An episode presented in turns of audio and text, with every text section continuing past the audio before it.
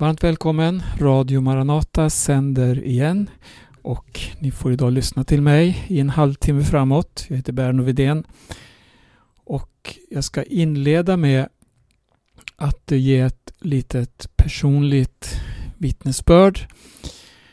Så länge jag kan minnas så har Maranata varit en del av mitt liv.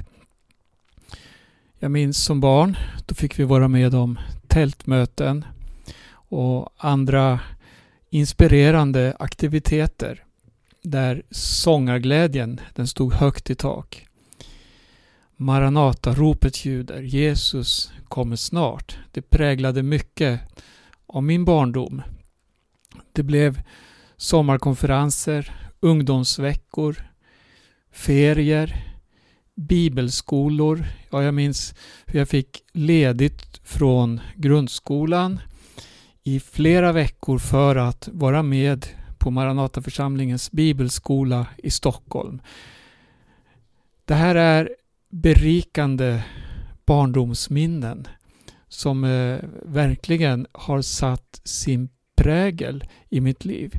Och Den här listan kan göras lång. Jag minns hur jag som tioåring 1971 för första gången i mitt liv fick besöka Stockholm och Maranataförsamlingens missionscenter där, Johannelund. Det var ju där som den första storfamiljen formades och då de här viktiga frågorna om gemenskap kom upp. Urkristendomen, Apostlagärningarna 2, hur man hade allting gemensamt och så vidare. Det, det var där det tog form i just Maranataförsamlingens historia. Eh, jag var ju tio år då så att jag tänkte inte så mycket på de här sakerna. Men det jag mötte när jag kom, vi kom upp för backen där mot Johannelund. Det var som en skogslund i Traneberg. Och stannade bilen och gick ut ur bilen och hörde sången strömma ut ifrån möteslokalen. Det var kvällens väckelsemöte som precis hade börjat. Sången som ljöd, det var den här Kristus på korset vunnit frälsning för var och en. Jag kan minnas det som om det var igår, trots att 50 år nu har passerat. Det satte outplånliga uttryck i mitt unga liv. Vilket möte det var. Åren har gått och än idag så är Maranata en oerhört viktig del av mitt liv. Men med tiden så är det lätt att även de bästa minnen förvandlas till en död tradition. Till nostalgi. Någonting man minns och tänker på och kan fröjdas i sina minnen över. Men det finns något som är så mycket större, så mycket mer angeläget. Det står i Bibeln om en andens enhet. Och för den enhetens skull så lämnar jag Maranata-traditionen. För det finns ingen tradition som kan hjälpa oss framåt som kan hjälpa oss att bevara det som är det viktigaste. Det är mycket tal om att minnas 60-talet och för många var det en viktig period. Men målet kan väl ändå inte vara att återvända till 60-talets mötesstil, möteskultur och så vidare. Nej, det, jag tror att det, det, är fina medel som Gud har använt under historiens gång. För mig var det mycket 70-tal beroende på att jag föddes under 60-talet. Men eh, jag vill inte återvända till 70-talet. Däremot kan jag se tillbaka men det är viktigt att jag med den historien då kan blicka framåt. Inte nostalgiskt, inte till något minns du sången projekt eller minns du 60-talet eller 70-talet. Nej, det handlar för oss om att fortsätta framåt på en väg och inte låta oss stelna i den tradition som vi är uppväxta i. Bibeln uppmanar allt Guds folk till endräkt. Det var en bön Jesus allvarligt eh, bad i en av sina svåraste stunder. Vi kan läsa i Johannes evangelium, det sjuttonde kapitlet. Här ber Jesus för sina lärjungar. Kapitlet har den här rubriken Jesu prästerliga förbön. Alltså Jesus han ber för sina lärjungar och det är en väldigt allvarlig bön, en betydelsefull bön som också hjälper oss att förstå och få inblick i hur de andliga realiteterna fungerar.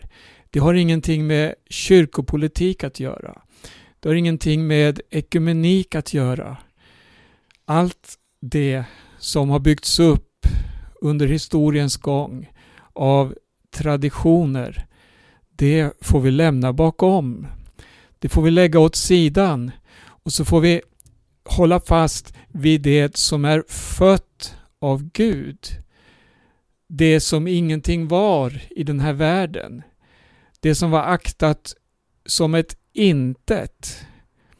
Till skillnad mot mycket av det stordådiga, det överväldiga, det, det, här, det här eh, prakten, kyrkans prakt. Ta bara prästskrudar, ta bara de här katedralerna och all dess konst, all dess rikedom och all rikedom som de stora kyrkorna förfogar över.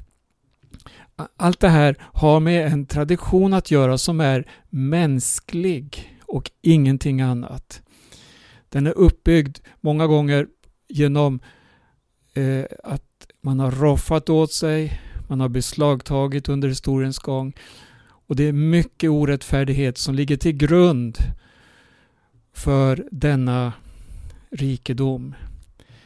Ett typiskt exempel det är ju Sankt Peterskyrkan i Rom där man samlade in då pengar från de fattiga för att bygga upp denna kyrka eller denna katedral. Och man gjorde det till en genom avlatsbrev där man lovade så och så många års avlat eh, utifrån det var och en betalade då för att bygga denna katedral. Allt det här, det får vi liksom lämna bakom. Det får vi lämna helt åt historien och bryta oss ut ur denna tradition. Se istället på det som är värt att bevara. Och så här sa Jesus i, eller han bad på det här sättet. Lyssna nu. Vi tar oss tid och läser fler verser här i Lukas, förlåt, Johannes evangeliums 17 kapitel. Vi läser från vers 13. Jesus beder. Nu kommer jag till dig, men jag säger det här medan jag är kvar i världen, för att deras hjärtan ska vara fyllda av min glädje. Jag har gett dem ditt ord och världen har hatat dem, för det tillhör inte världen, liksom inte heller jag tillhör världen. Jag ber inte att du ska ta dem ut ur världen, utan att du ska bevara dem från det onda. Det tillhör inte världen, liksom inte heller jag tillhör världen. Helga dem i sanningen, ditt ord är sanning. Så som du har sänt mig till världen, så har jag sänt dem till världen. Och jag helgar mig för dem, för att också det ska vara helgade i sanningen.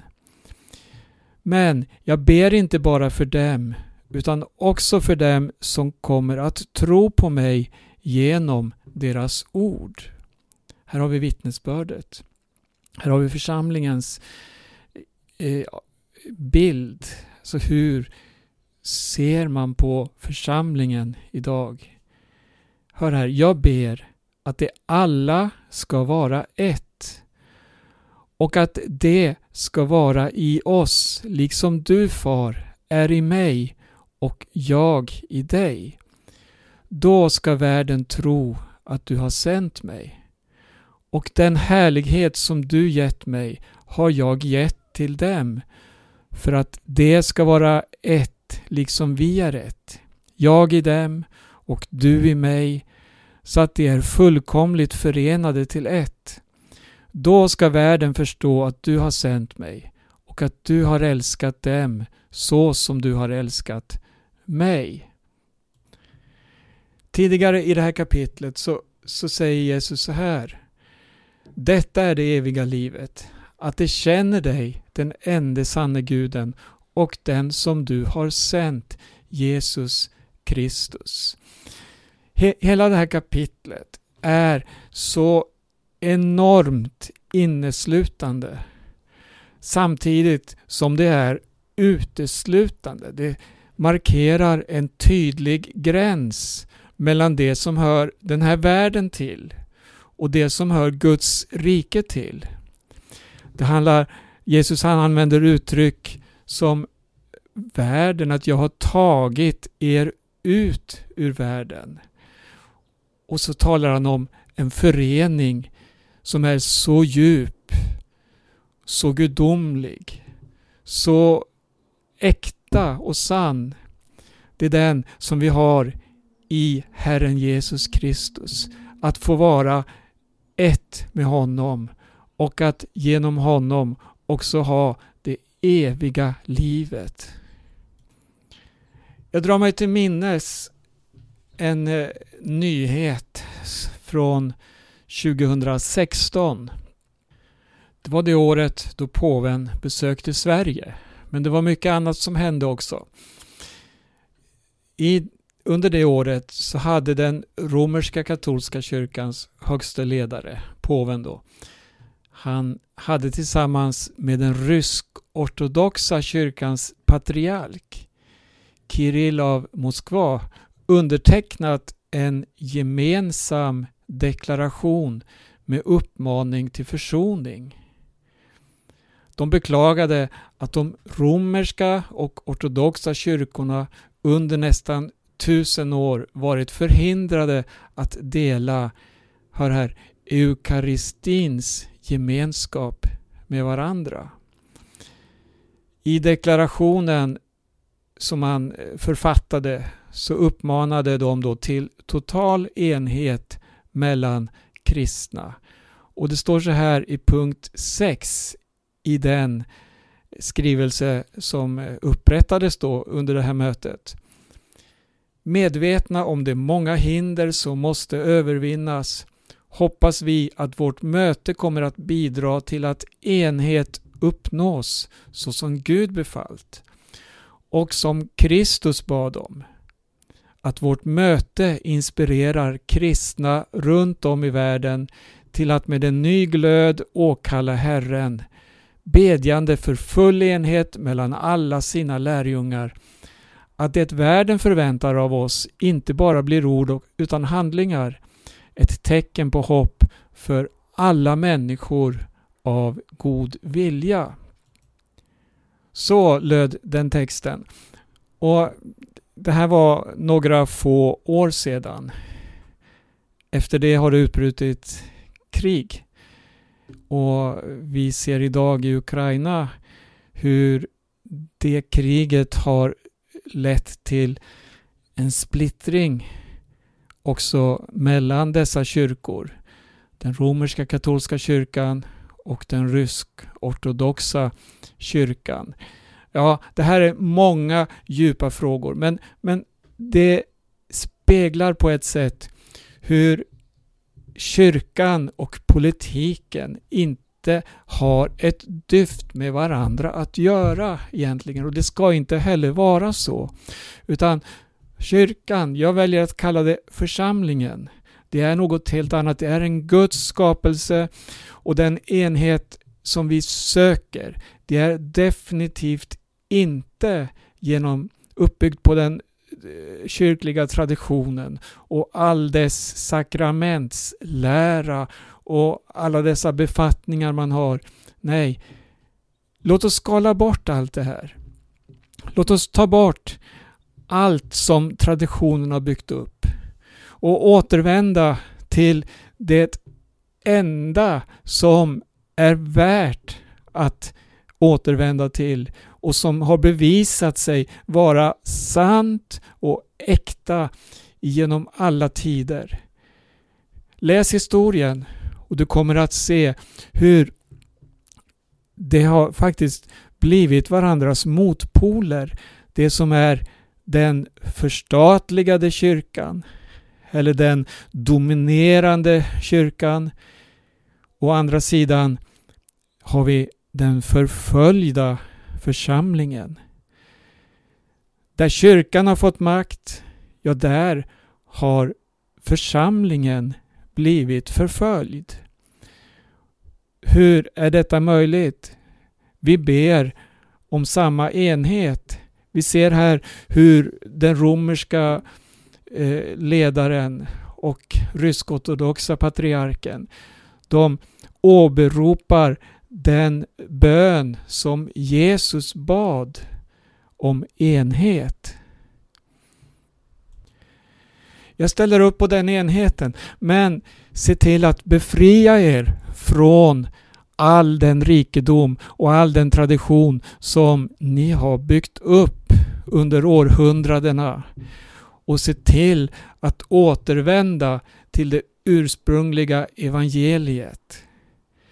Hemma i husen var de tillsammans bröt bröd i hjärtats enfald och lovade Gud. Det fanns ingen präst där, det fanns inga prästgrudar där, det fanns ingen, ingen eh, transubstantionslära där man förtrollar hela skaror av människor genom att lura dem och säga att här har vi Jesus korsfäst på nytt. Jesus förkroppsligad i ett bröd. Ja, nu kommer jag in på områden som jag inte har tid att utveckla. Men, men det här är en av de förfärliga läror som man har i den katolska kyrkan. Återigen vill jag säga, Jesus bad om enhet så att världen ska se. Och jag är beredd att överge Maranata-traditionen. All tradition som överhuvudtaget existerar för att återvända till ursprungliga källan. Vi har Guds ord, vi har apostlagärningarna, vi har den urkristna församlingen och vi kan läsa där hur de kom tillsammans. Men innan de började verka så var det så oerhört viktigt att de själva skulle bli avklädda. Också den tradition som de hade inom judendomen. De, lärjungarna hade vandrat tre år tillsammans med Jesus. De hade fått lära sig så oerhört mycket och det var många konfrontationer med synagogorna, med det religiösa ledarskapet då. Men sen också när de skulle eh, själva då gå in i sin tjänst i den urkristna församlingen. Då var det viktigt, Jesus han underströk det här, se till att ni blir uppfyllda av den helige Ande. Vänta i Jerusalem på löftet som Gud har lovat. Ni ska få kraft när den heliga Ande kommer över er så att ni ska bli mina vittnen.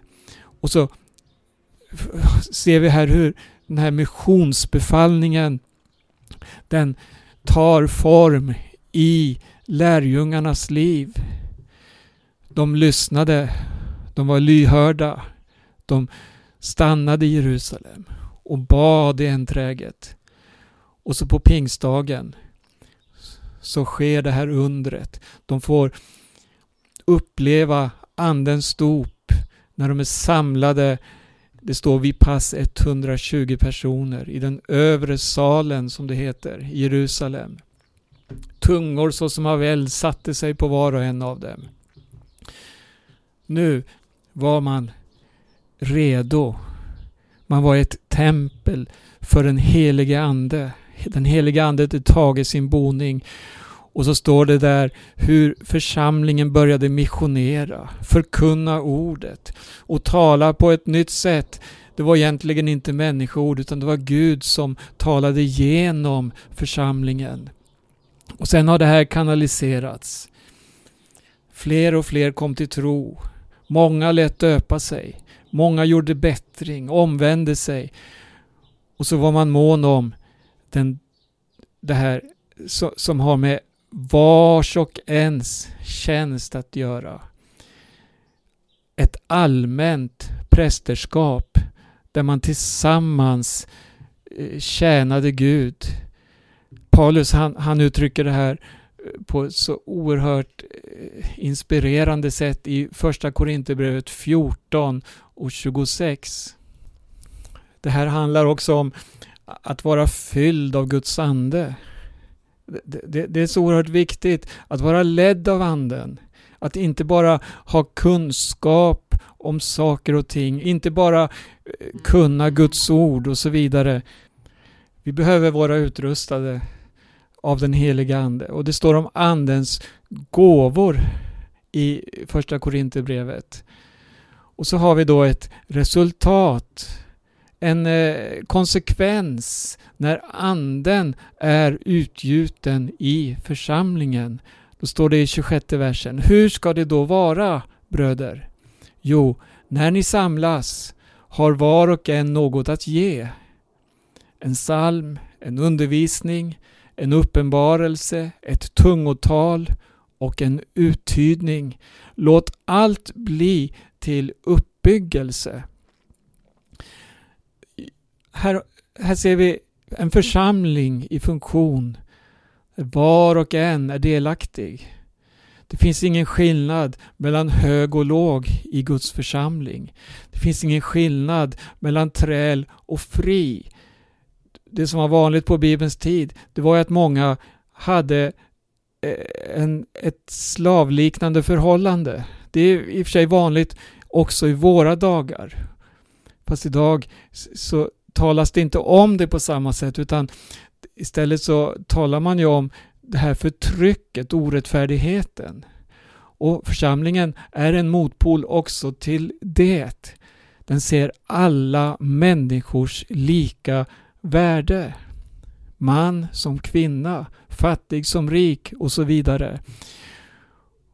Och sen ser vi här, den ene är med och bygger upp den andra ger styrka åt den andre, förmanar den andre, tröstar den andre och så vidare. Nej, minuterna rinner iväg här. Vill bara säga så här att kyrkliga traditioner det utgör en stor belastning i de flesta kristna sammanhang. Från de mest högkyrkliga kretsar till fria, oberoende församlingar. Påven eh, i samband med det här uttalandet som gjordes då mellan patriarken av Ryssland och katolska påven så gick man påven ännu längre. Han uppmanade till enhet mellan alla religioner. Under den här devisen jag tror på kärleken så publicerade Vatikanen en video då, det var 2016, där flera olika religioner ställdes sida vid sida och alla pekade på sin väg till Gud. Och påvens budskap var det här, alla har sin väg till Gud. Och det var i en vädjan om fred och samförstånd. Ja, det är sant att Jesus bad om enhet. Enligt Bibeln så uttryckte han sig, det här som vi har läst här. Jag ber att de alla ska vara ett och att det ska vara i oss, liksom du far är i mig och jag i dig. Då ska världen tro att du har sänt mig, sa Jesus. Fokus ligger på Jesus. Du kan aldrig ta bort det. Nej. Det finns många nya ekumeniska initiativ i våra dagar som har varit på tapeten nu också den här sommaren. Det kommer att vara en konferens nu där man talar om en ny typ av ekumenik som ska vara mer lyssnande och inhämtande från också andra religioner då. Nej, huvudpersonen i en sann andlig enhet är och kommer för evigt att vara Jesus och ingen annan. Om påven av Rom och patriarken av Ryssland menar allvar med sin bön, att man vädjar om enhet på det sätt som Jesus bad om enhet, ja då finns det bara en full konsekvens av det uttalandet. Åter till ordet, till ursprunget för den kristna församlingens födelse. Än en gång, jag är redo att ge upp allt vad tradition och kyrkoläger heter för den sakens skull, oavsett tillhörighet. För enligt Guds ord så existerar det endast en Jesu Kristi församling på jorden. En enda Kristi kropp. Och jag avslutar nu den här sändningen med att påminna om ett ord från Apostlagärningarna 4 där det står om honom som blev korsfäst. Det står i senare delen av tionde versen. Ni korsfäste honom. Men Gud har uppväckt honom från de döda. Jesus är stenen som ni byggnadsarbetare förkastade men som har blivit en hörnsten. Hos ingen annan finns frälsningen och under himlen finns inget annat namn som människor fått genom vilket vi blir frälsta. Det utropade Petrus och Johannes med frimodighet när man stod inför Stora rådet i Jerusalem. Man var alltså fängslade och anklagade för att bära falska vittnesbörd om Jesus. Jesus är svaret. Gud välsigne var och en. Det här är Radio Maranata och jag heter Berno Vidén.